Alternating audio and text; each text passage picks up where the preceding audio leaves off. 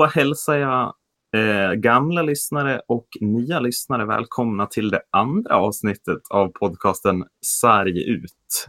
Som jag, Erik Norin, gör tillsammans med mina två fantastiska vänner Marcus Berg och Andreas Ellebäck.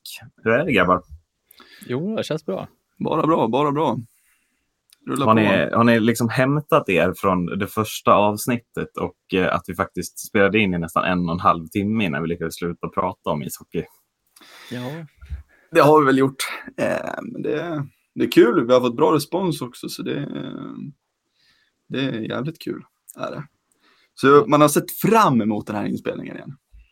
Ja, men det har man ju faktiskt gjort. Alltså att vi närmar oss, eh, nu, nu ska vi kanske inte låta som att vi har någon slags hybris, men, men att vi närmar oss hundra lyssningar på ett avsnitt. Eh, det trodde vi inte. Det ska vi väl ändå öppna med att säga. Ja, ja. Nej, det, så är det. det vi satt och räknade familjemedlemmar, hur många lyssningar det skulle bli. Men det har ju blivit fler uppenbarligen, för 83 familjemedlemmar har vi ju inte tillsammans. nej, nej, det är nej, det... inte ens med kusiner och alltihopa. Det det är över förväntan. Det är... Nej, det är alltså någon som inte är familj som har lyssnat. Det känns ganska fascinerande. Bara det är ju liksom fantastiskt roligt. Ja, men verkligen. Och vi är glada för all respons och frågor och allting som vi får. Så att det, ja.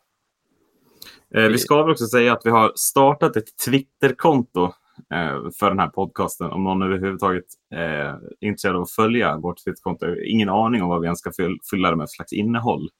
mer än bara våra avsnitt. Men det får vi väl lita på, tänker jag. Ja, kan ju komma med frågor och eh, som vi kan ta upp här i, i avsnitten.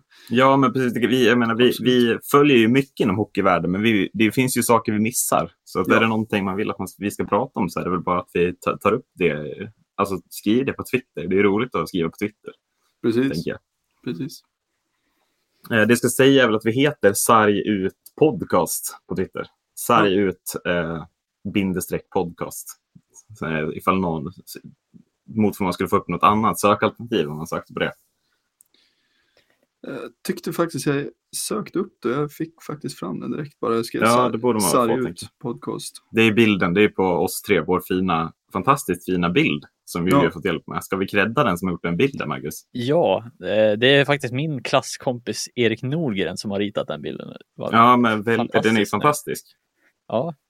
Eh, om man bortser från våra tre face, men de måste ju vara där. Tänker jag. Ja, precis. Otroligt fint. Eh, men jag tänker vi glider ju in nu i, i den så, man pratar ju i hockey pratar man om den så svåra andra säsongen. Pr pratar man i podcastvärlden om det så svåra andra avsnittet eller, eller går det liksom går det ett antal avsnitt innan man börjar prata om att det är svårt att hålla igång det? Jag vet inte. Jag har inte hört något sånt liknande. Jag är också ganska fräsch i podcast. Så, men jag hoppas väl att det ska gå lättare och lättare liksom, ju längre vi, vi kommer. Ja, för man pratar ju ändå om den så svåra andra säsongen i, i alltså när man går upp eh, och klarar sig kvar. Första säsongen så pratar man om den så svåra andra säsongen i SHL. Exempelvis. Eh, hur tror ni det kommer påverka Alltså det, det, vi såg förra året var ju faktiskt två lag som var nykomlingar som inte klarade det första säsongen heller. De låg ju sist eh, i början av säsongen. Kom, kommer liksom den här andra säsongsgrejen försvinna och, och, att det blir den första säsongen som är så pass svår när man går upp? Eller hur kommer, hur kommer det bli tror ni? Det är så mycket pengar just nu så att eh, med alla tv-avtal och sådär så att det känns väl ändå som att första året kan, bli, kan vara det, det nya andra ja, men att man andra tittar... året så får man ju verkligen får man ju eh, ihop grejerna mera. Ja, men jag tänker jag. att det första året, då ska man bara fokusera på att klara sig kvar för att sen andra året börja bygga liksom någonting. Jo, men precis. Och då med tanke på hur mycket mer pengar det är i SHL än vad det är i Allsvenskan till exempel så, så är det klart att är, håller du kvar första året då, då är det ju jäkla bra bonus. Um, för det väldigt... känns ju faktiskt som att det har blivit lite av, av det nya. Alltså det, att, de, att uh, nykomlingarna fokuserar så tydligt på att, in, på att klara sig kvar första året med så små resurser som möjligt. Mm. Mm. Är, är, det det nya, alltså är det upp, alltså uppflyttningssystemet som påverkar det här? Eller är det pengarna tror ni främst som är den stora det, grejen? jag tror att det är gapet mellan, alltså det stora gapet mellan pengarna i allsvenskan och SHL. Ja, Och sen också byta ut ett helt lag från säsong till säsong bara för att det är ett lag som kommer från allsvenskan som inte håller standard i SHL. Det är inget lag som gör det bara sådär över en sommar. Liksom. Nej, men för du är ju inne på någonting. Det känns ju som att eh, du behöver ju, alltså även om du har jättebra lag i- i allsvenskan så behöver du ju värva i stort sett en helt ny första femma när du kommer upp i SHL för att kunna hänga med mot de bästa lagen. Ja. Och, då är, är det då, det, då är det pengagapet som är den stora anledningen, eller? Det, Det är känns ju- så. Tyvärr det. Det är klart att, det är klart att man har sett liksom, ska man säga, exempel på, på lag som har gjort det bra med små resurser och så vidare. Men ja, mer pengar, eh, högre löner. Det är klart att det är klart att de som har pengar, de lockar till sig de bästa spelarna, så är det ju. Och de som kommer upp underifrån, de har ju inte byggt upp den, den eh, feta kassan ännu. Så att eh, de uppflyttade lagen får ju, får ju problem, tycker jag. Ja, och, och, och om man dessutom blir uppflyttad och förlorar några av sina bästa spelare när man flyttas upp så, så måste man ju värva ännu fler spelare. Inte bara en första femma, utan kanske liksom nästan två första femmor, en första och andra femma i värsta fall om många av de bra spelarna försvinner. Ja, det är ju inte ofta som, som ett bra allsvenskt lag som flyttas upp får behålla så mycket med tanke på att de spelarna har gjort det jäkligt bra i allsvenskan. Lockas till andra klubbar. Eh, ja. Så att, Nej, men precis, för att ska man se till mitt Mora exempelvis, där var, man- hade man väl, alltså jag tyckte man hade ganska mycket tur när man flyttades upp, att man fick behålla en sån spelare som exempelvis Bromé, Mm. som man kunde bygga mycket runt. Menar, man hade kunnat förlora en sån spelare redan där, i värsta fall ändå väl. Det hade man absolut kunnat gjort. För Bromén var ju fruktansvärt bra. Så att, ja. det, det är ju sådana det är såna spelare man måste behålla också för att, för att eh, kunna klara sig kvar också. Det tycker jag. Ja, men precis. Samma sak med, med typ de lagen som har bra juniorverksamheter från början, som har spelare som utvecklas enormt under säsonger. är ju också extremt svårt att försöka motivera till att behålla när de får erbjudanden från stora klubbar och, och ja, draftplatser och NHL-kontrakt. Liksom så, så att det är väl där också man förlorar en hel del slagkraftiga spelare. Ja, och just- framför, framförallt det som är grejen med juniorer är ju att de har ju en sån otrolig eh, ja, men alltså bombeffekt. Alltså de kan ju bli om den bomben liksom verkligen går av så kan ju de explodera helt en säsong och göra liksom, då kan de bli tongivande spelare liksom, och göra 40 poäng. Ja. Om de liksom bara blommar ut till, till den potential de har. Och det kan faktiskt gå över en säsong, eh, sett juniorer i nuläget. Ja, Ja, det är framförallt liksom som vi som vi säger, så framförallt juniorerna är ju liksom, det är ju, kolla, kolla Modo. Det är ju tyvärr så det funkar i, i dagsläget att där gör de, gör de det jäkligt bra, Norlinder bland annat.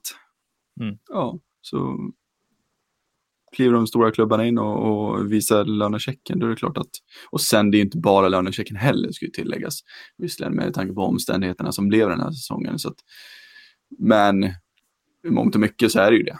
Eh, Mm. Det är klart att kan man så vill man tjäna så Mm. mycket pengar. Och Ja, verkligen. sen tror, förstår ju helt och hållet. sen tror jag också att det handlar om säkert folk utifrån som pushar dem till att utvecklas ännu mer. Eh, vilket gör också att det nästan ja, pushar på dem till att lämna för de här större klubbarna Ja, och försöka hitta någon form av liksom peak där de kan liksom ta sig vidare till NHL eller ja, så att det blir som en instegs. Eh, tyvärr så funkar inte det för alla spelare, men. Ja, men sen ska man väl heller inte alltså, underskatta eh, rykten så, som juniorverksamhet runt om sig. Alltså, alltså Frölunda har ju nu under flera år haft ryktet att ha typ Sveriges bästa juniorverksamhet och Roger Rönnberg är en coach som jättemånga, eller släpper fram jättemycket juniorer. Då är det klart att man som junior eh, med en potentiell explosion inom sig går till, eller gärna går till en sån klubb om den hör av sig. För man vet att där kommer man bli bra omhändertagen. Jo, så är det ju. De har ju bra rykte kring sig, Frölunda bland annat. Så att, som du säger, hör de av sig, det är klart att man, man tar den chansen. Finns ju, jag kan inte tänka mig att det finns någon som inte vill ta den chansen med tanke på hur bra de är på att få fram unga spelare, eller alltså utveckla de unga, unga spelarna till att bli så bra som de kan bli. Liksom. Nej, för just Frölunda verkar ju intressant. Alltså, om man tittar på sådana spelare som Tim Söderlund gick till Frölunda från Skellefteå. Och Skellefteå har ju under 2010-talet varit väldigt kända för att utveckla unga talanger. Men han gick ändå till Frölunda. Ja. För att nu är det de som liksom har tagit taktpinnen och utvecklar juniorer med Dalin bland annat i spetsen. Då. Det är ju de stora affischnamnen för det. Mm. Men har, har Frölunda verkligen tagit över huvud, eh, huvud, alltså taktpinnen i, i junior? Eller är det fortfarande för Det, alltså, det är Björklöven? min har- känsla. Min känsla är att Frölunda nu har taktpinnen. Men jag, det, det är bara den känslan jag har. Har du en annan? Alltså rent så här elitspelarmässigt så är väl Björklöven absolut bäst i att ta fram eh, spelare så. Eh, Sen har inte de fått effekten av det själva kanske lika. Men det är ju många från Björklöven som har, alltså de har väl flest elitspelare om jag inte är helt ute och Jo, jo absolut. Om man ser ur, den, ur den vinkeln så absolut. Ja. Men jag, jag tänker mer ur vinkeln vart juniorer vill spela just nu. Ja, och då känns det. som att Frölunda har den taktpinnen. Att man, man, man är bäst på att locka till sig Sveriges bästa juniorer i nuläget. För att man Mm. har utvecklat så pass många bra de senaste åren. precis. Precis, och det är just det att de vill locka till, eller att de kan locka till spel, eller juniorerna. Eh, det är ju inte att, det är klart att det finns ju exempel på spelare som, som är i deras organisation länge, från till exempel U16 uppåt. Men det är just det, det att de lyckas plocka spelarna från andra SHL-klubbar, Ja, men precis. juniorer där 18-19, de spelarna som de lyckas plocka över. Eh, och det är ganska, ganska intressant. Eh, Och det gör ju också att då kan man ju lägga de här dyra pengarna på en sån spelare som Ryan Lash. De här juniorerna har ju, visst de har bra löner, men, men sett till SHL-mått så, finns det, ju- så har de ju inte superlöner. Liksom. De är Nej. fortfarande juniorer och är ju glada för, ja, men, säg 50 000 i månaden, är ju vilken 20-åring som helst glad för. Då är man ju rik som 20-åring. Mm. Ja. Men, men då kan man ha en sån spelare som Ryan Lash som kostar hur mycket som helst varje månad. Medan andra lag som inte har den här juniorverksamheten måste ju värva fler spelare. Då kan man inte värva så dyrt. nej, Eh. Det är ju bara Frölunda i hela SHL som har råd att ha Ryan Lash nästan, skulle jag våga påstå. Mm. Ja, det, det är det ju. Eh, Och det är det är som du säger, man måste ju man måste liksom dela ut, dela ut alla pengar på, på alla positioner och det blir jäkligt svårt om du mm, har ett lag som, som hög snittålder där du inte kan få in de här juni, junisarna. Eh, så, som du säger, som kostar mellan 30 och 50 000 bara. Eh, och blir det svårt att bedriva verksamheten om du ska eh, om du ska ha massor med, med äldre gubbar som kostar mycket. Eh, så att Frölunda har gjort ett jävligt bra jobb och ser ju ingen... Nej, och framförallt Roger Rönnberg har väl gjort ett bra jobb. Ja, som jo, vågar precis. lita på så unga spelare. Ja. Eh, liksom i, I en andra och tredje kedja och även i en fjärde kedja. Ju. Eh, alltså, det blir en språngbräda för dem. Men också att han vågar lita på dem. För sen vet han att han har sina po- poängproducerande gubbar och liknande. Ja, ja men han räds ju inte och det är det som jag tycker är jäkligt kul med att han räds ju inte att, att spela med dem. Men det är väl hans största legacy nästan, när han väl avslutar. Det är väl att man, han kommer väl komma sig ihåg som den som hela tiden vågade satsa på, på unga lovande spelare. På Oh ett sätt som inte många coacher, jag upplever jag, vågar satsa på. Oh ja. Ja. Oh ja. Eh, Men jag tänker att vi har ju en del ämnen vi har tänkt att gå igenom idag. Ja. Ehm, och vi har ju en cliffhanger från det förra avsnittet med en sista fråga från den här faktarutan. Mm. Eh, den tänker vi att vi sparar till sist i det här avsnittet. Och innan dess har vi två ämnen framförallt som vi kommer att ha som huvudspår. Ehm, eh, och det är ju dels eh, Björn Hellkvist, hela gaten kring honom. Mm. Eh, senaste veckorna, många kanske har hängt med. Eh, och sen har vi också tänkt att prata om Jonathan Dahlén eh, som nu ryktas till varenda klubb i hela Sverige, känns det som. Ja. Och ryktas bli kvar. ja, precis. Inkluderat den här. Men jag tänker att vi slänger på vår första fantastiska bumper och sen kliver vi in i nästa eh, i, i ett ämne, något av ämnena. Eh, men jag tänker att vi börjar med eh, hela Björn Hellkvist-gate. Och Marcus, du har förberett här en, en sammanfattning av Björn Hellkvist, både karriär och vad som har hänt de senaste veckorna. Ja. Så jag tänker att du kan väl bara köra en, en någon slags genomgång här, en recap över vad som har hänt. Ja, precis. För det är inte alla som har full koll på Björn Hellkvist och vem han är kanske heller, eh, vart han kommer ifrån. Men han är i alla fall klar för SHL nu. Eh, efter många om, om och men liksom i, så han ska träna Leksand nästa säsong. Men eh, det här är då det som har hänt då. Eh, Björn Hellkvist har ju spelat, har ju varit tränare i Modo under perioden 18, 19, 19, 20 som han haft kontrakt. Och i januari skrev han ju på ett nytt färskt treårskontrakt för Modo. Och var då liksom hoppet för, för Modo-supportrar att han skulle stanna kvar och försöka ro den här båten i hamn till slut. Dock så blev den här säsongen eh, väldigt tråkigt inställd eh, efter två matcher i finalserien mot Björklöven eh, på grund av den pandemi som vi har just nu. Och därför är då, blev då serien liksom ofärdig. Eh, så att det lämnar ju då väldigt många frågetecken eh, kring vad som händer nu och lämnar därför alla lag som befann sig kval uppåt i serien en väldigt speciell situation. Och därför så var det väl lite hoppet på att Hellqvist skulle vara kvar på sitt treårskontrakt. Ända tills eh, han uttalar sig i media om att han har tömt sig. Och han är, eh, ja, uttalar sig väldigt som att han är less på situationen kanske. Och att han, han vill då, han ser som, som att han vill ha en ny utmaning i, i sin träna, tränarkarriär och säger väl alla ord som tyder på att han är på väg att byta klubb. Eh, och detta skapar ju då eh, skriverier och tankar från alla Modo-håll och Modosupportrar framförallt. framför allt. Eh, efter ett tag så kallar man ju då upp Hellqvist eh, på möte där man senare fastställer att han Eh, blir klar för att lämna klubben helt enkelt. Eh, man, eh, man släpper honom mot en summa pengar till Leksand då, som har, har varit på och hört av sig till honom. Eh, där, som han då också var öppen med i, i media.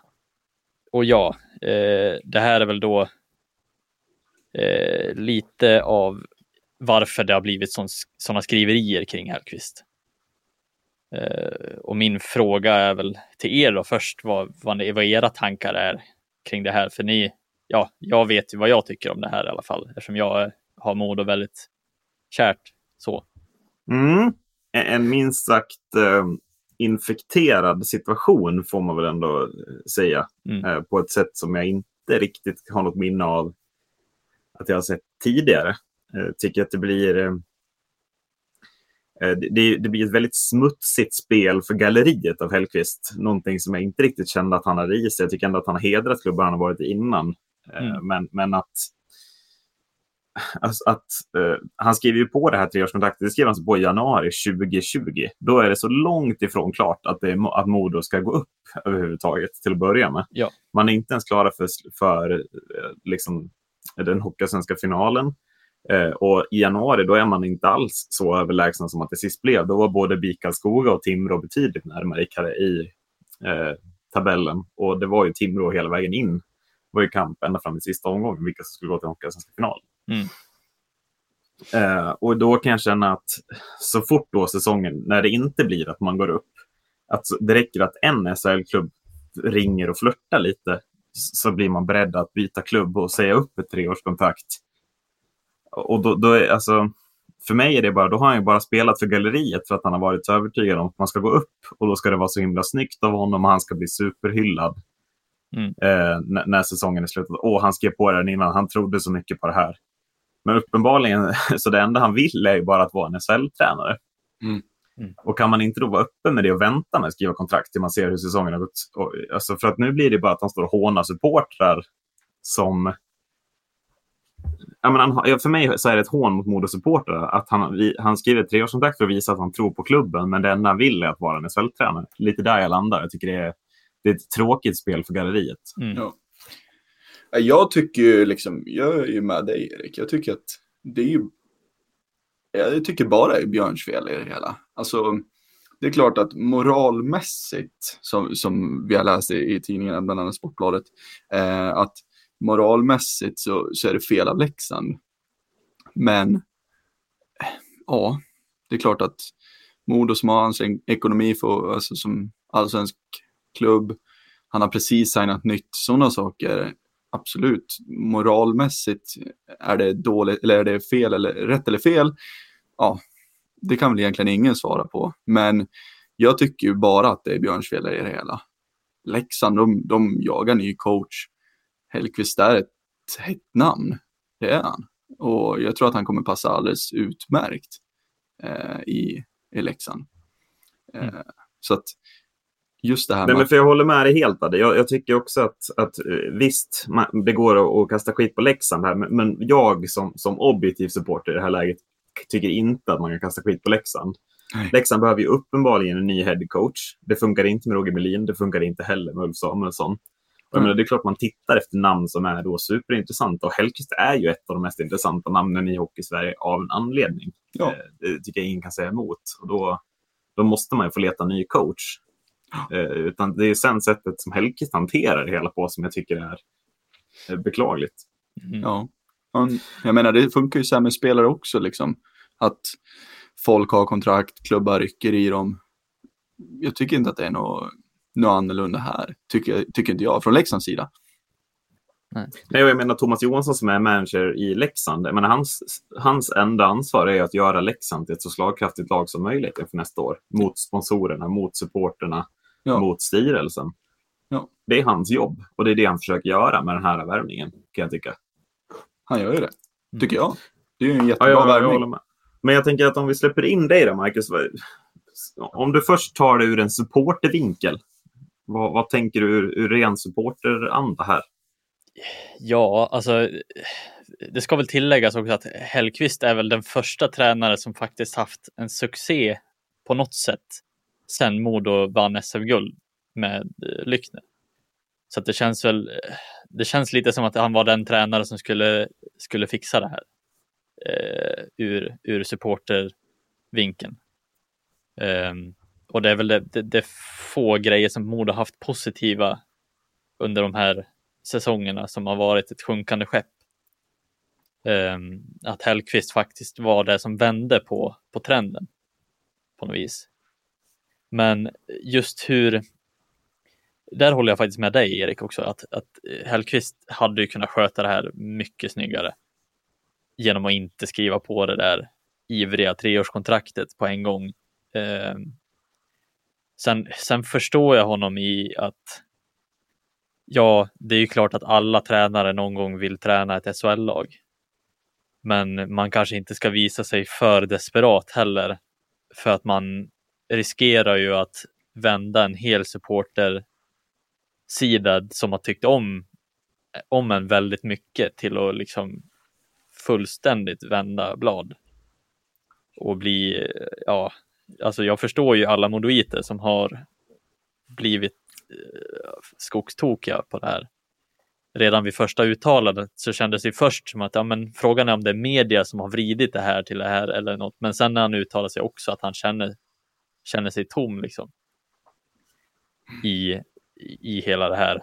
Sen förstår man ju att det är en väldigt speciell situation att stå i när man förlorar hela det han har varit med och byggt under de här åren han var tränare också. Att det är ju många spelare som bara försvinner och så helt plötsligt står han på ruta ett igen. Så det blir ju en väldigt speciell situation också. Men vad är det, ja, men absolut. Vad är det du känner då, alltså så här från, från supportersidan? Jag menar, du är ju med i så många modogrupper. Alltså är det liksom, är det, är aggressionen riktade mot Björn eller är det mot Leksand? Alltså för det känns ju som att det är mot Leksand. Mest. Alltså det har ju varit lite både och. Många har ju sagt, ja men han får dra, skicka han till första bästa. Eller, mm.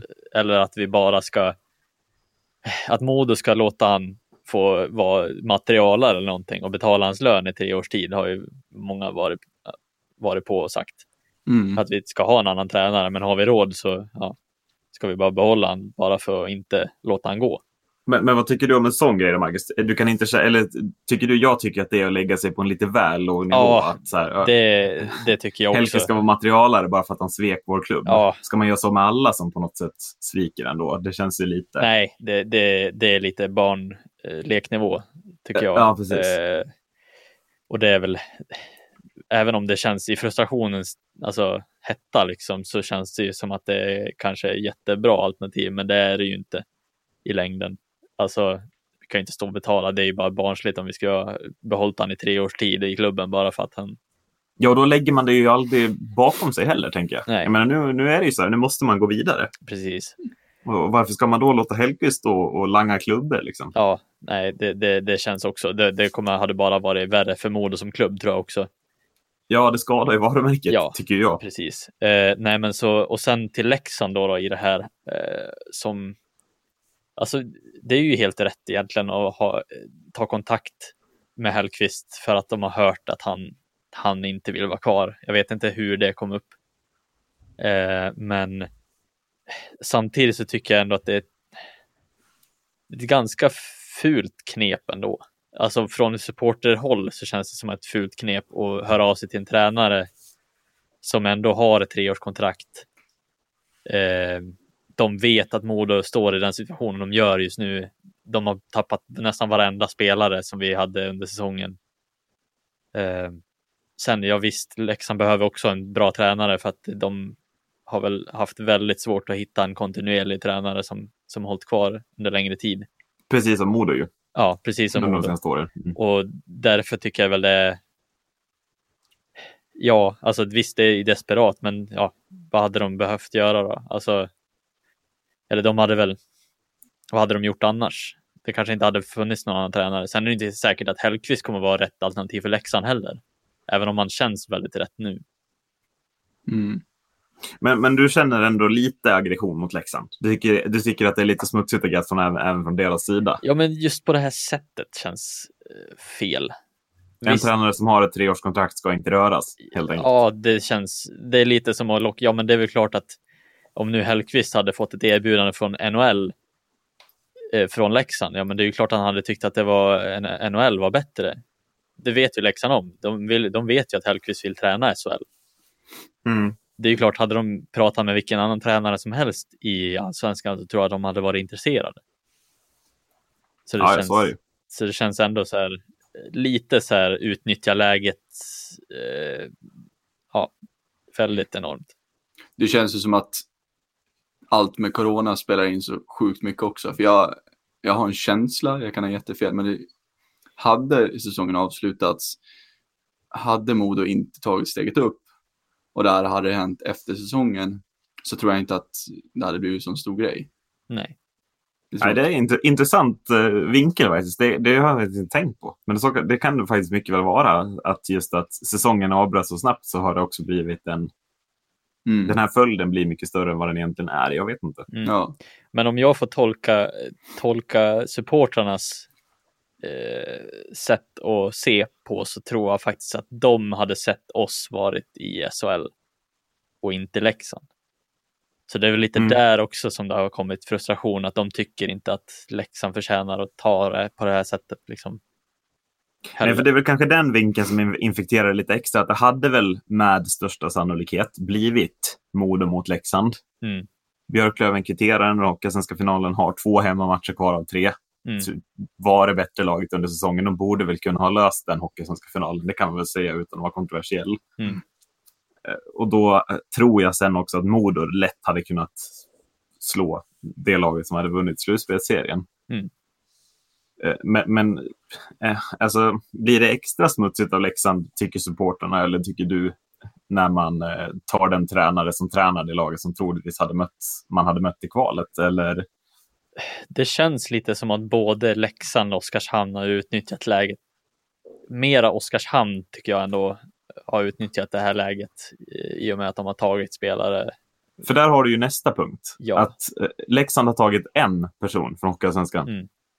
Alltså Oskarshamn var ju nästan sönder Modo och, och Björklöven. Vad är det, de har tagit fem spelare de två lagen. Ja. Eh, Eh, Men det är, ändå, det är ändå Leksand som får skit. Är det inte där det liksom skiftar över till att det är ändå Hellqvist som har skött det här jävligt dåligt kontra Leksand? ja. Eh, Ändå. Kan ju, eller vad, hur känner du Adde till exempel? Nej, men jag, jag är ju helt med dig liksom. Att, Mm. att du, jag, jag tycker inte att Leksand har gjort något fel. Jag, jag gör verkligen inte det. Nej. Eh, och det, det sa vi förra avsnittet också. Gör de något bra så ska de få höra det. Och det är lite som här. Jag menar, de, de är ute efter ny coach. Björn Hellkvist är enligt mig, ja, enligt mig det absolut hetaste tränar, tränarnamnet ute i, i Sverige. Och jag menar, blir han, är han lockad av att träna, träna Leksand som är en så anrik förening? Jag menar, fan, kör. Eh, så att det är just hur, hur Björn har, har uttalat sig. Jag menar, varför måste han gå ut i media och säga att han är, han är trött, han är tom, han har gjort det här. Det är ju bara, som, som vi var inne på i början, att det är bara ett spel för galleriet tycker jag. Ja, och varför skriver han på det treårskontraktet om han är så mån om att träna i SHL? Ja, Han kan, inte han kan inte sitta i början på januari 2020 och vara säker på att Modo ska gå upp i SHL. Nej. Det kan han inte. Det, det, det, Det- kommer jag aldrig köpa hur mycket han säger. nej men det är helt omöjligt. Det är liksom, Ja. så är det. Och det känns, eh, känns också eh, extra mycket när just det blev de, de orden i media som han säger. Eh, för det känns verkligen som att han, han köper sig ut via media. Alltså, han, han har ju redan lämnat klubben när han säger de orden. För att han Ja. vet att Modo kan inte behålla en sån tränare som, som säger på det här sättet och inte vill är beredd att, göra sitt yttersta för klubben.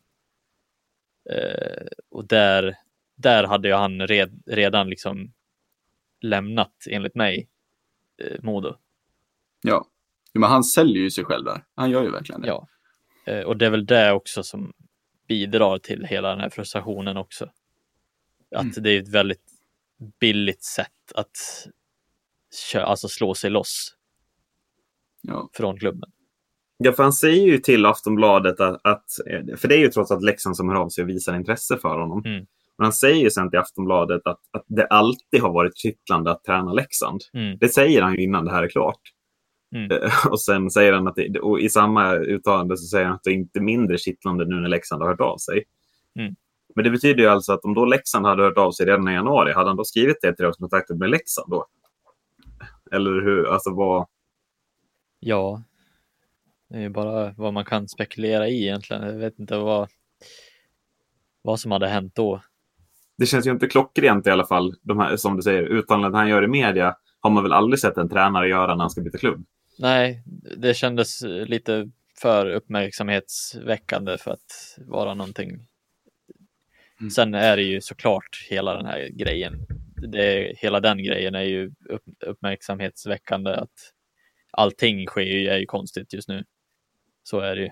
Eh, men eh, ja, det känns lite som att han medvetet gjorde det för att liksom och det, det är lite tråkigt för alla som, som håller på Modo och det blir så frustrations eh, väckande. Bli, blir supportrarna till och med, alltså upplever du uppgivenhet hos supportrarna till och med?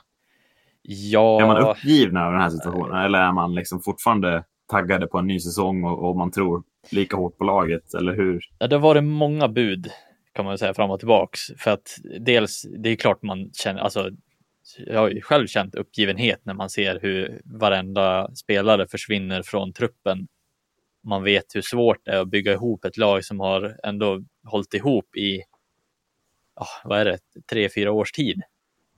Mm. Och man vet hur svårt det är att hitta en tränare igen som kanske har kapacitet som Björn Hellkvist har. Ehm, och sen kunna lita på att den tränaren gör jobbet också. För jag menar, vi har haft för många tränare under den tioårs, tioårsperiod som, som har gått i rullning liksom. Och det, det, det har aldrig blivit någon som har riktigt fastnat förrän Hellkvist kom. Och det är väl där också som det tappar liksom det här hoppet att ja, nu lär vi leta en ny tränare och ja, hur, hur ska man kunna lita på att den tränaren gör jobbet? Mm. Det känns ju lite som att Björn har ju varit, han har ju blivit en, liksom, han har ju blivit lite, lite kelgris eller vad man ska, ska kalla det, eh, för, för Modo och, och, och deras supportrar. Vilket gör att det känns som att man vill liksom inte riktigt skylla på han i den här situationen, utan då lägger Mm. man allting på Leksand. Det är så jag uppfattar det. Ja. Eh, för att, okej, han, gjorde, han gjorde ett jävligt bra jobb med oss. Fan, ska han verkligen få skit för det här? Ah, nej, det är nog Leksand som har gjort fel i den här situationen. Det är lite så jag uppfattar det. Mm. Men, ehm, ja, Ja, men för det blir så himla smärtsamt för Modosupportrarna när Hellkvist lämnar. ja, För han har ju varit det sista hoppet. Det är ju, så- alltså, trots att han bara tränat Modo två år, men han är ju den tränare, första tränaren sen degraderingen som har ingett något hopp i den här föreningen, upplever jag. Mm. Ja, den hockeyn som Modo presterar stundtals under förra året var ju re- ren propaganda i socker. Det är ju Hellkvist som har, som har löst den. Han har tagit in rätt spelare, han har hittat rätt, scoutat rätt person eller spelare och, och, och liksom Mm. tagit in rätt personer i föreningen runt sig för att skapa ett klimat kring Modo som man inte har haft sen man åkte ner. Utan det har bara varit misär, bara varit tungt för supporterna. Och att han då ska lämna på det här sättet blir väldigt, väldigt... Alltså det, jag förstår de både supporterna som nu lägger sig platt och liksom inte kan resa sig på en dag. Mm. Ja, för han har ju varit väldigt omtyckt som person också har jag upplevt. Alltså hur han agerar runt media annars och hur han, hur han har spelat sin hockey och allting. För att de, han har varit väldigt uppskattad, vad jag har upplevt i alla fall. Ja, och inte bara av Modo-supporter ju. Nej. Alltså det känns som att det, det alla, alltså även, support, även jag, alltså det känns som att supporter till andra lag, experter, alla hyllar Hellkvist. Mm. Både för den hockey han spelar och för hur han sköter liksom eh, hela, alltså träningar och sånt runt om. Mm. Och, och jag tror inte många trodde att, att det skulle sluta på det här sättet i Modo, utan många tänkte nog att det här kommer sluta med att Modo går upp igen och etablerar sig i SHL kanske. Mm. Men om man istället, hur tänker man om vi ser ur Leksands perspektiv då? Eh, Ty, tror, alltså, för en Leksandssupporter känns det här helt klockrent? Eller är man lite orolig att det blir samma skit Alltså jag när ju, Hellkvist lämnar Leksand? Hur hade ni tänkt? jag hade varit orolig. Dels för att han har, har han SHL, han har väl ingen SHL erfarenhet alls, eller har han det? Jag är osäker på det. Han var väl i Malmö, Ja, men väl de alltså- var väl inte i... han, oh, Men eh, i alla fall så känns det ju ändå så här, ja, men vill man ha en tränare som skapar sådana rubriker kring sig eh, på en gång och, och så här, känner man att det här är ett säkert kort när han lämnar Modo på det sättet han gör. Ja, men det är lite det jag vill åt. Alltså, hur, hur, hur hade man känt som Leksandssupporter? Hade man inte blivit ändå lite orolig när man ser vad ens nya tränare faktiskt är kapabel till? Att bara helt svika den föreningen han lämnar. Mm. För någonstans så står ju ändå Leksand, om inte ännu hårdare, för att ja, men det här kärleken till klubben och allting runt omkring.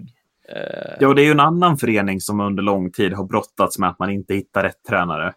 Eh, Och senast man hittade en tränare i, som var som, som Hellkvist, det var ju Sjur Robert Nilsen. Mm. Som skulle vara den, nu ska han ta över, han ska ha det här laget länge, han ska bygga sin hockey.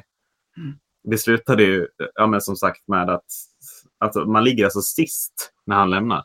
Ja. Sist, och då är det inte SHL vi pratar om, sist i Hockeyallsvenskan. Mm. En position som ju, där ligger ju inte ett lag som Leksand. Så enkelt ska det ju vara. Nej. Alltså det, det, så bra lag har man ju alltid haft att man aldrig ska ligga sist. Ja. Och nu, nu kommer då Hellkvist in. eh, och, han är ju den tränare som man nu vill satsa på. Det är ju tydligt. Jag menar kontraktet han skrivit kommer ju, det är inte ett, ett sämre kontrakt än man hade i Modo på något sätt. Nej.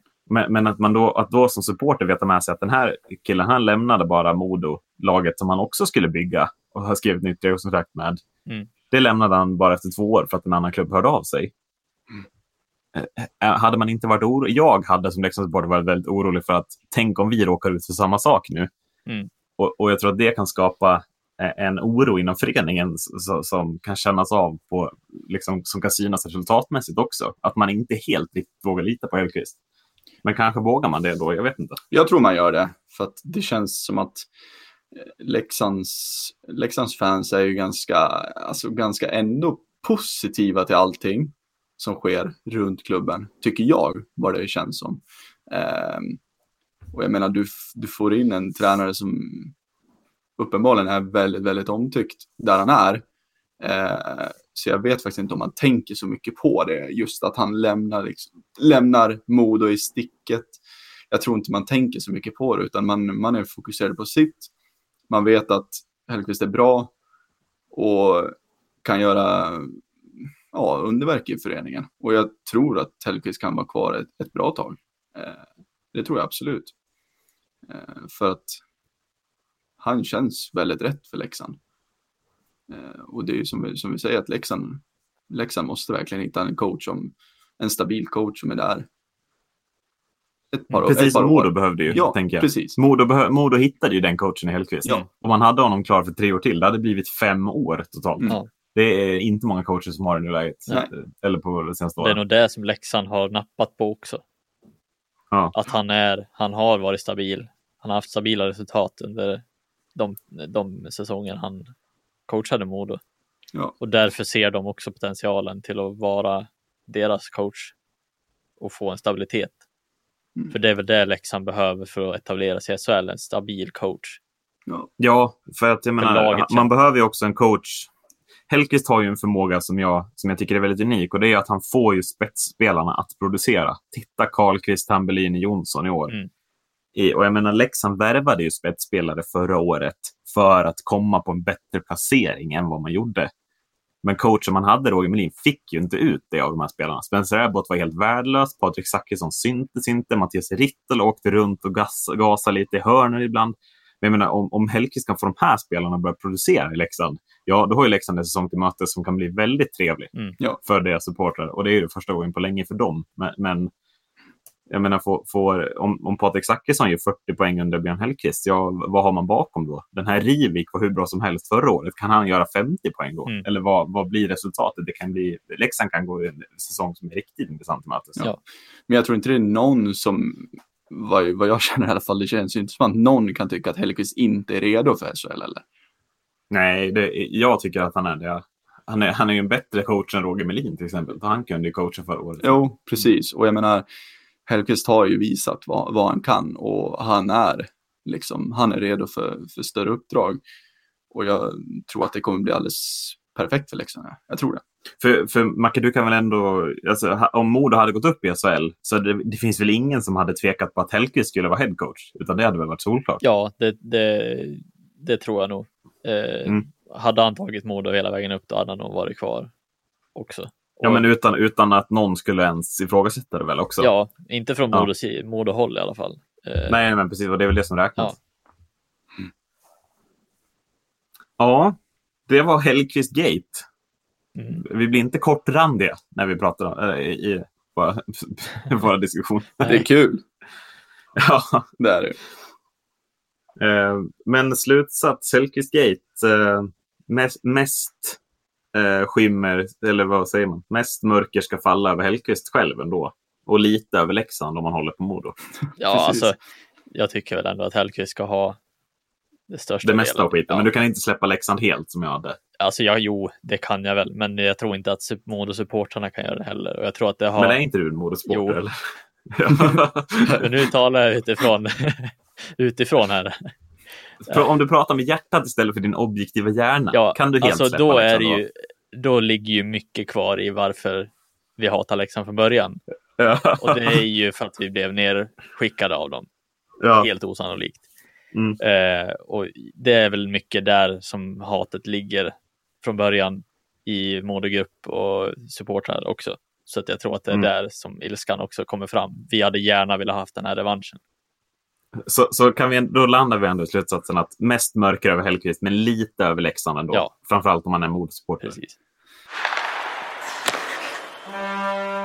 Det var vår Hellkvist-diskussion. Jag tänker vi jobbar oss vidare. Vi har ämnen planerade. Jag tänker att nu har vi hållit på så pass länge att den här cliffhangen som vi utlovade, den kanske vi sparar ännu en vecka till. Vad tänker ni grabbar?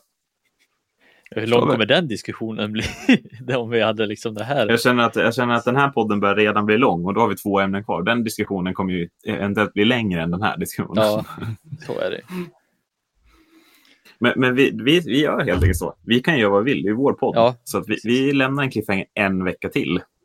Eh, och så avslutar vi dagens podd med att prata lite om Jonathan Dahlén. Det tycker jag. Och här har du, du gjort en sammanställning eller, på samma snygga sätt som Macke hade gjort. Så vi får lite bakgrund till allt det här. För här har det varit många turer. Hellkvist var åtminstone bara en tur. Jo, precis. Nej, men eh, ja, du vill, Dahlén är ju liksom en väldigt, väldigt bra spelare och det är för mig enligt det senaste ryktet att han blir kvar i Timrå en säsong till är helt ofattbart hur det ens är möjligt. Eh, varför blir han kvar? Är det liksom, är han hemmakär? Jo, han måste vara hemmakär. Men det kan ju omöjligt vara bra för hans utveckling, tycker jag. För att om man bara går till, till, till en själv när man spelade hockey förut när man var, när man var yngre.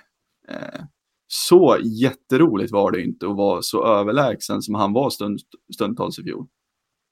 Det, det kan jag omöjligt tro att han tyckte att det var. Eh, och jag menar de klubbarna det har snackats om främst då, det är ju som SHL-klubbarna, det, är, det är ju Färjestad och det är Rögle och det är Örebro och det är Luleå. Och alla de fyra klubbarna ser jag som jättebra destinationer för Dahlén. För att mm. i alla klubbar så kommer han enligt mig få en framskjuten roll, vilket han ska ha. För att ta det här sista klivet för att sen kunna åka över och vara en framträdande spelare i, i San Jose.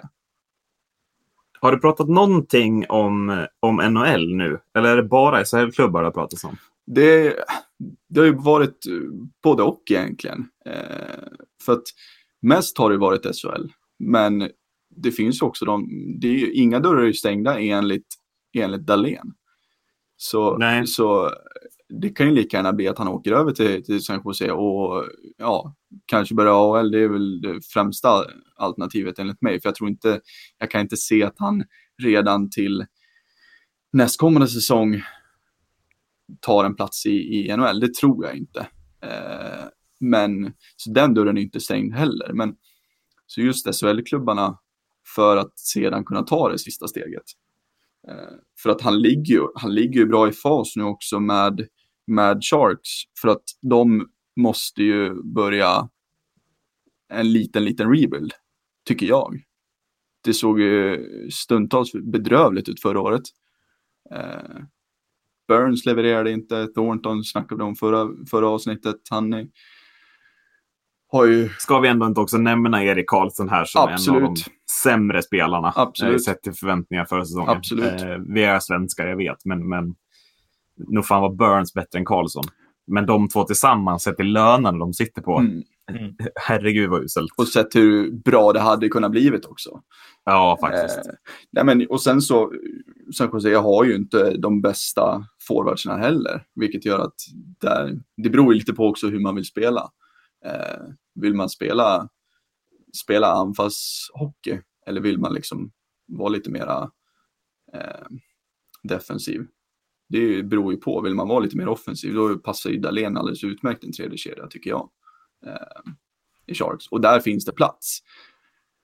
Men då är frågan om Timrå är det bästa alternativet.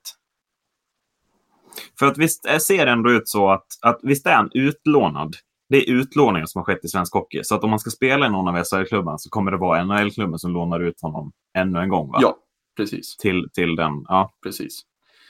Så han är ju signad av han är ju signad av Sharks. Mm. Eh, och det är ju som du säger att han är ju utlånad.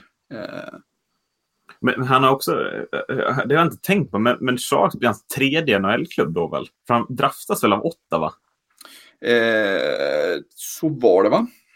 Och sen så är det Vancouver som tar rättigheterna ja. på något sätt. För det pratades väl ett tag om att för Elias Pettersson var ju, det var, de gjorde ju den säsongen 17-18 så himla bra tillsammans. Mm, mm, mm. Och då pratades väl om att de skulle bara kunna gå rakt in i, i liksom och vara ett värsta radarpartners i, även i den, i, i NHL. Liksom. Ja, men precis. precis. Nu, nu vart det som det vart. Det vart Elias som, som vart det tillsammans med Brock Besser istället. Men, men, men, men då har alltså Sharks tagit honom efter det här. Ja, han var ju tradad, eh, vad var det, för förra säsongen.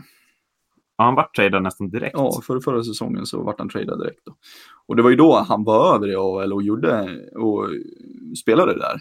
Eh, mm. Dels i, i Vancouvers farmarlag i Utica och sen så i San Jose sen då i farmarlaget där. Men ja, det är just det Han tradades också mot Linus Karlsson. Ja, Ska vi nämna, nämna den trade?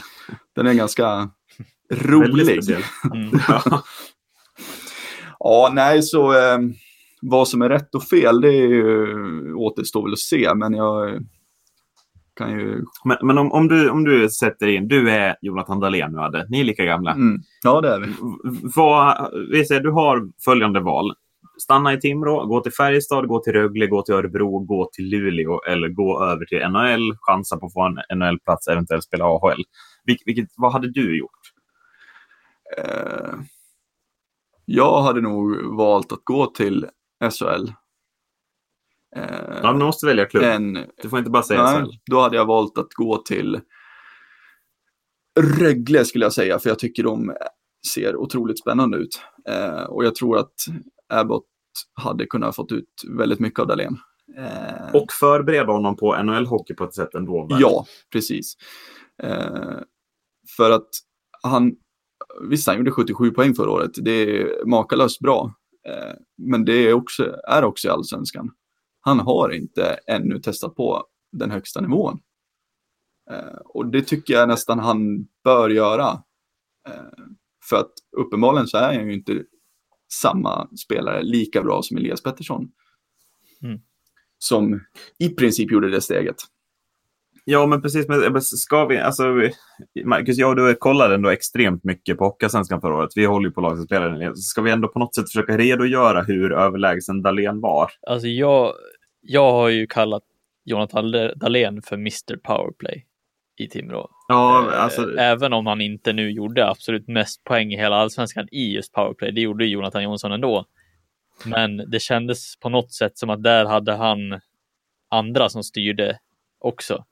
Eh, I, i med Karlqvist och Tambellini. ja, men för jag, jag, jag, kanske, jag kanske är lite väl hård mot Jonathan Jonsson nu. Men, men Jonathan Jonsson, visst, han gör mest poäng i ligan. Men, men jag tycker att rent kvalitetsmässigt så är det ett jäkligt stort kliv upp till Dahlén fortfarande. Alltså, Ja, att, alltså, Modo utan Jonathan Jonsson hade fortfarande kommit topp fem. Mm. Men alltså Timrå utan Jonathan Dahlén, det hade fan, inte- de hade kunnat missa slutspel, Mm. tror jag helt ärligt. Mm. För att så mycket som Dahlén gör, dels i powerplay styr han allting. Alltså en sån spelare som Jens Löke gör ju hur mycket mål som helst. Och det är, det är för att Dahlén slår några himla mackor i powerplay. Mm. Ja. Så, så, alltså det är bara att skjuta. Jag hade kunnat gjort mål var rightare. på, på något av de försöken i alla fall. Jag har aldrig spelat hockey. Mm. Nej, men, det, Men jag tycker liksom att han lyfter sina medspelare på ett sätt som inte... Alltså Jonathan Jonsson lyfter sina medspelare, men, men de lyfter också tillsammans hela den kedjan. Karlqvist, Tambellini, Jonsson. Medan Dahlén lyfter ju allt själv. Jag menar, hade, det finns väl inte en människa som hade trott att Albin Lundin skulle göra 68 poäng liksom. nej. Nej, och hur många av dem gör han tack vare Dahlén? Ja, det är ju nästan 68 där. Alltså, ja, men alltså det känns, alltså, det känns som att Dahlén, eller Lundin gör ju hälften så mycket utan Dahlén. Dahlén skapar så mycket, för att när man spelar mot Dahlén, det som är unikt är ju att, att alltså, jag har aldrig sett Mora spela boxplay på det sättet. Man sätter ju en gubbe typ ute på Dahlén på högerkanten och så spelar man fyra mot tre mot de andra gubbarna. Ja. I någon slags, och det, det var inte bara Mora som körde med den taktiken alltså, heller, utan fler lag som verkligen stängde ner Dahlén fullkomligt på slutet Mm. För att inte han skulle få ha pucken i powerplay. Mm. Och- Och, jag menar, fyra mot tre, det är, kl- jag menar, Timrå hade ju inga dåliga spelare. De hade fortfarande spelare som kunde spela powerplay. Så. Mm. Men- Men just att Dahlén tog upp så mycket plats i motståndarlagets försvar, att de andra spelarna fick mer att, att försvara mot, skulle jag ändå säga. Mm. Det kändes ändå som att Dahlén hade någon form av alltså, större respekt för från motspelare än vad Jonathan Jonsson hade. Jag menar, och, och sen när man skulle tänka, alltså, om Dahlén spelar i Modo, hur många poäng gör han då? Förmodligen ännu fler. Han gör väl hundra Ja, då? det är det som inte jag, känns. nästan jag vågar nästan inte säga emot den som säger att Dahlén gör 100 poäng om han spelar. För säsongen. Nej, för det känns ändå som att när han, när han körde powerplay, då körde han powerplay i två minuters tid. Och fullständigt bara la macka på macka. Sen, jag är helt garanterad på att Karlqvist hade satt de extra poängen till åt Dahlén om, om han hade lagt dem på hans klubba. Ja, för, det, eller, för att Karlqvist gör ju sin helvete med mål. Mm. Och hade han haft Dahlén på andra kanten, han gör ju ännu fler än vad Jens Löke gör. Och inget Mm. ont med Jens Löke, men, men det är ju att, att, att, att se Jonathan Dahlén stå på ena kanten och sen Jens Löke på den andra kanten, det, säger en, det visar en någonting extremt fint med Hockeyallsvenskan, tycker jag. Mm. Det blir, Nej, för det känns också de, de matcher som Modo mötte Timrå. Det var ju någon match vi förlorade med 7-1 eller något, 7-2. Ja, ni var tokrossade Ja, någon match va? så fullständigt. Han är, han har en helt egen nivå när han väl spelar på den nivån. Och det är väl det också som har varit lite hans dilemma också kanske, att, han- att inte komma upp i den nivån varje match.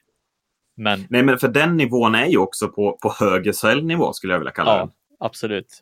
Utan, utan att, alltså den, ja, precis, den nivån tror jag helt enkelt är, den håller för högsta SHL-nivån när han är på den, eh, på det Mm. humöret.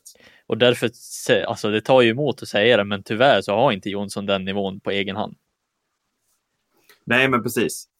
Eh, Och, och då ska vi också säga, ing, det här är liksom ingen diss mot Jonathan Jonsson. nej, han är fantastisk. Han var utan tvekan eller allsvenskans näst bästa spelare förra året. Mm.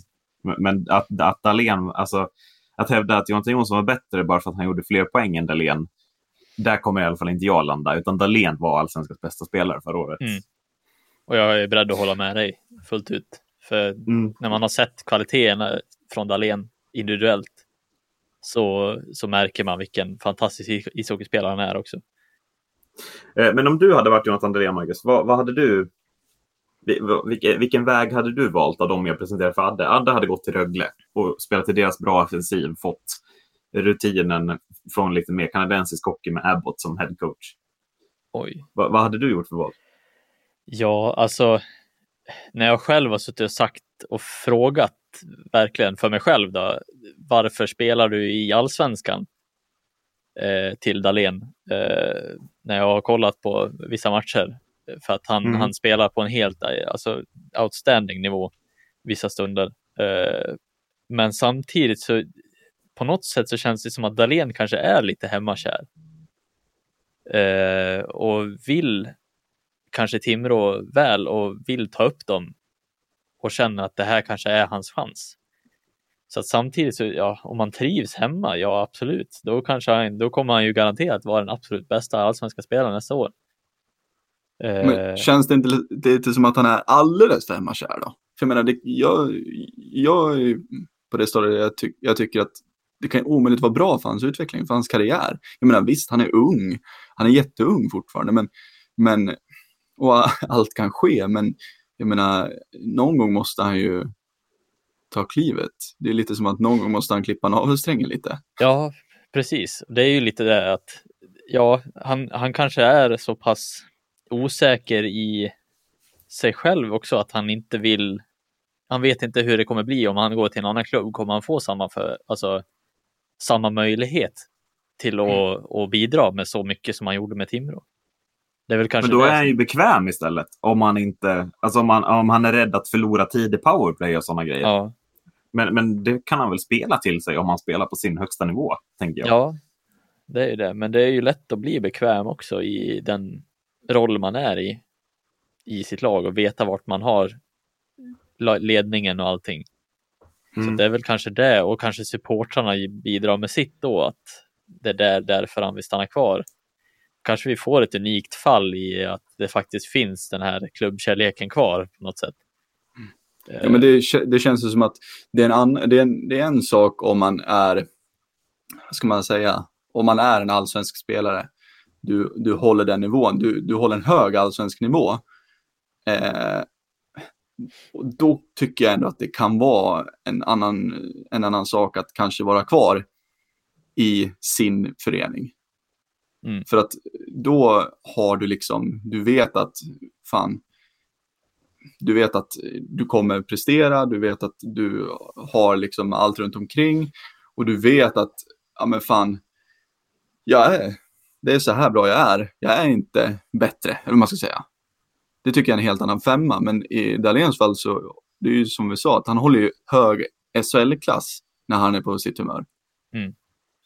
Varför tar han då liksom inte chansen? Jag ska la- lansera en sista teori här, vad jag tror kan vara en extremt eh, bra väg för Dahlén att gå nu. Eh, och, och den lanserar jag utifrån att Mattias Bromé lämnar Örebro för NHL. Ja, Finns det inte en extrem lucka för Dahlén att gå rakt in i den kedjan? det finns det. och bara ersätta Bromé rakt av. Är det inte samma klass på spelare ungefär? Kan ha samma roll i powerplay, Ja, samma skills. ja. Det är väl kanske inte samma spel, spelartyp lite så. Men, men eh, han kommer ju absolut, han skulle absolut göra, liksom, göra jobbet och göra det De skulle fruktansvärt kunna bra. fylla samma funktion i den typen av Absolut, kedja alla fall, absolut. tänker jag. Alltså en första kedja med en poängproducerande snabb forward. Ja, Kan ju vara så att det, det handlar om självförtroendet också. Att det har fått sig en törn efter att ha blivit nekad i Vancouver. Eh, Ja, men alltså, hur mår Jonathan Dahléns självförtroende? Han är ju ändå tydligt i skuggan av Elias Pettersson. ja, Kan, är, kan den spela in så mycket att han inte vågar lämna Timrå verkligen? För att på plan har han självförtroende i Allsvenskan, det ska gudarna veta. Mm. ja det, kan, det kan vara en sån lit, eller liten stor grej, li, ganska stor grej är det väl egentligen. Eh, speciellt i den åldern han är i. Eh, så kanske det är så att det, det har fått sig en törn på självförtroendet. Han trodde att han skulle ta en plats i Vancouver, sen kanske börja tvivla på sina egna egenskaper. Eh, men det borde ju ändå ha vänt nu när han gjorde liksom, ja men han slog ju faktiskt också Per Harbrands rekord i allsvenskan, eller landade på samma poäng i alla fall. Mm. Och ändå inte vann poängligan, men ja, nej, det borde ju ändå vänt, tycker man. Ja, men, och jag tänker att Dahlén har väl en utmärkt chans att gå den lite längre vägen till NHL. Jag menar, han, om han går och spelar i SHL nästa år, gör det bra, då får han ju direkt en plats i landslagsturneringarna, Eurohockeytour-turneringarna. Mm. Det kommer ju inte Garpenlöv vänta en sekund med att ta ut honom till. Och, och om man då gör det bra där så kanske han får den där VM-platsen till sist. Om det inte kommer så många svenskar, det kanske, alltså så, från NHL. Att han kanske får en, en plats i det, i det. Jag menar, det finns ju vägar att gå och visa upp sig för den internationella publiken. Men man kan inte bli bekväm och stanna i Timrå då. nej, det, det är jag Då kommer han ju vara kvar där och göra 80 poäng. Mm. Och sen kanske ta upp Timrå. Det är typ det. Mm. Men det är ju det, han blir väl liksom, är han rädd för att misslyckas? Det är ju det. Det känns ju lite som att det, det är så, så fallet är. Mm. Eh, om det nu, nu är det så här, men han- ingenting är klart så, men, men det är klart att det spekuleras ju inte i Timrå utan anledning. Liksom. Nej. Så är det ju. Ska vi som avslutande, vad, vad tror vi att han hamnar någonstans? Jag tror det blir bomben. Tror vi att det blir Timrå eller är det någon som vågar sticka ut hakan och säga något annat? Jag vågar inte det. Jag tror han hamnar i Timrå. Ja, jag tror också det. Ja, nej, jag, jag, vet inte, jag har svårt att se att, han, att det blir SHL av någon anledning, men nej, jag tror det blir Timrå också. Mm. Jag tror faktiskt det. Motbevisa oss, Jonathan Ja. Skickar vi till honom som, Snälla. som tips. Ja. För vi, vi vill väl ändå se honom i SHL, även om vi inte gillar, även om vi håller på allsvenska lag, Macke. Ja, jag vill ju inte Jag vill se möta honom. eh, eh, dels det, men jag vill också se vad han kan göra. Ja, absolut. För jag tror att han kommer vara en tillgång för vilket lag han än går Han är ju en artistspelare, alltså han är en sån som folk betalar för att se. Det känner jag. Ja, men vill man se mål så ska man titta på Jonathan Dahlén. Ja. Han kommer inte sluta göra mål bara för att ha blivit liga. Ja, eller Det- assist för den delen. Han, Nej, han slår ju stundtals fantastiska passningar som Vad har vi för right-skyttar som är heta i, i SHL?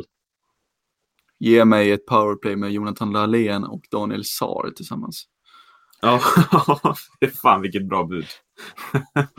Eller Djurgården kanske, Hultström på blå. Hultström har ju lämnat nu. Ja, han lämnat. För det. Vitjas Podolsk, vilket underbart namn. Ja, Podolsk. hade vi inte förvånat Mm. mig om Oskarshamn hade nappat på, på den där heller. Men, men konsensus är väl ändå att när man, när man tänker sig ett powerplay med Daniel Sar istället för Jens fucking Löke på andra kanten så, så då känns ju Rögle som ett superalternativ. Det ändå, va? pirrar ju lite extra då. Ja, det, ja, jag tycker också att det gör det. Mm. Jag håller med. Det har varit det andra avsnittet av Sarg ut, va grabbar? Ja. Vi har pratat om två personer. Björn Hellkvist och Jonathan Dahlén och det har vi gjort i en timme ungefär. Mm. De berör, minst sagt. Ja, Ja, det gör de verkligen. Eh, Men jag tänker att vi påminner igen om att om man vill att vi ska prata om någonting eh, eller ta upp det så, så kan man höra av sig till vårt Twitterkonto. eh, Där vi heter snabla podcast ut, fick vi som användare av någon anledning. Eller så söker man bara på sarg ut podcast. Så finns vi där och man ser vår bild. Eh, Men nu tänker jag att vi har varit i poddzon eh, under lång tid. Hur tar man sig lättast ur poddzon, Marcus? sarg ut. Det gör man sarg ut. Vi hörs och syns nästa gång. Hej då!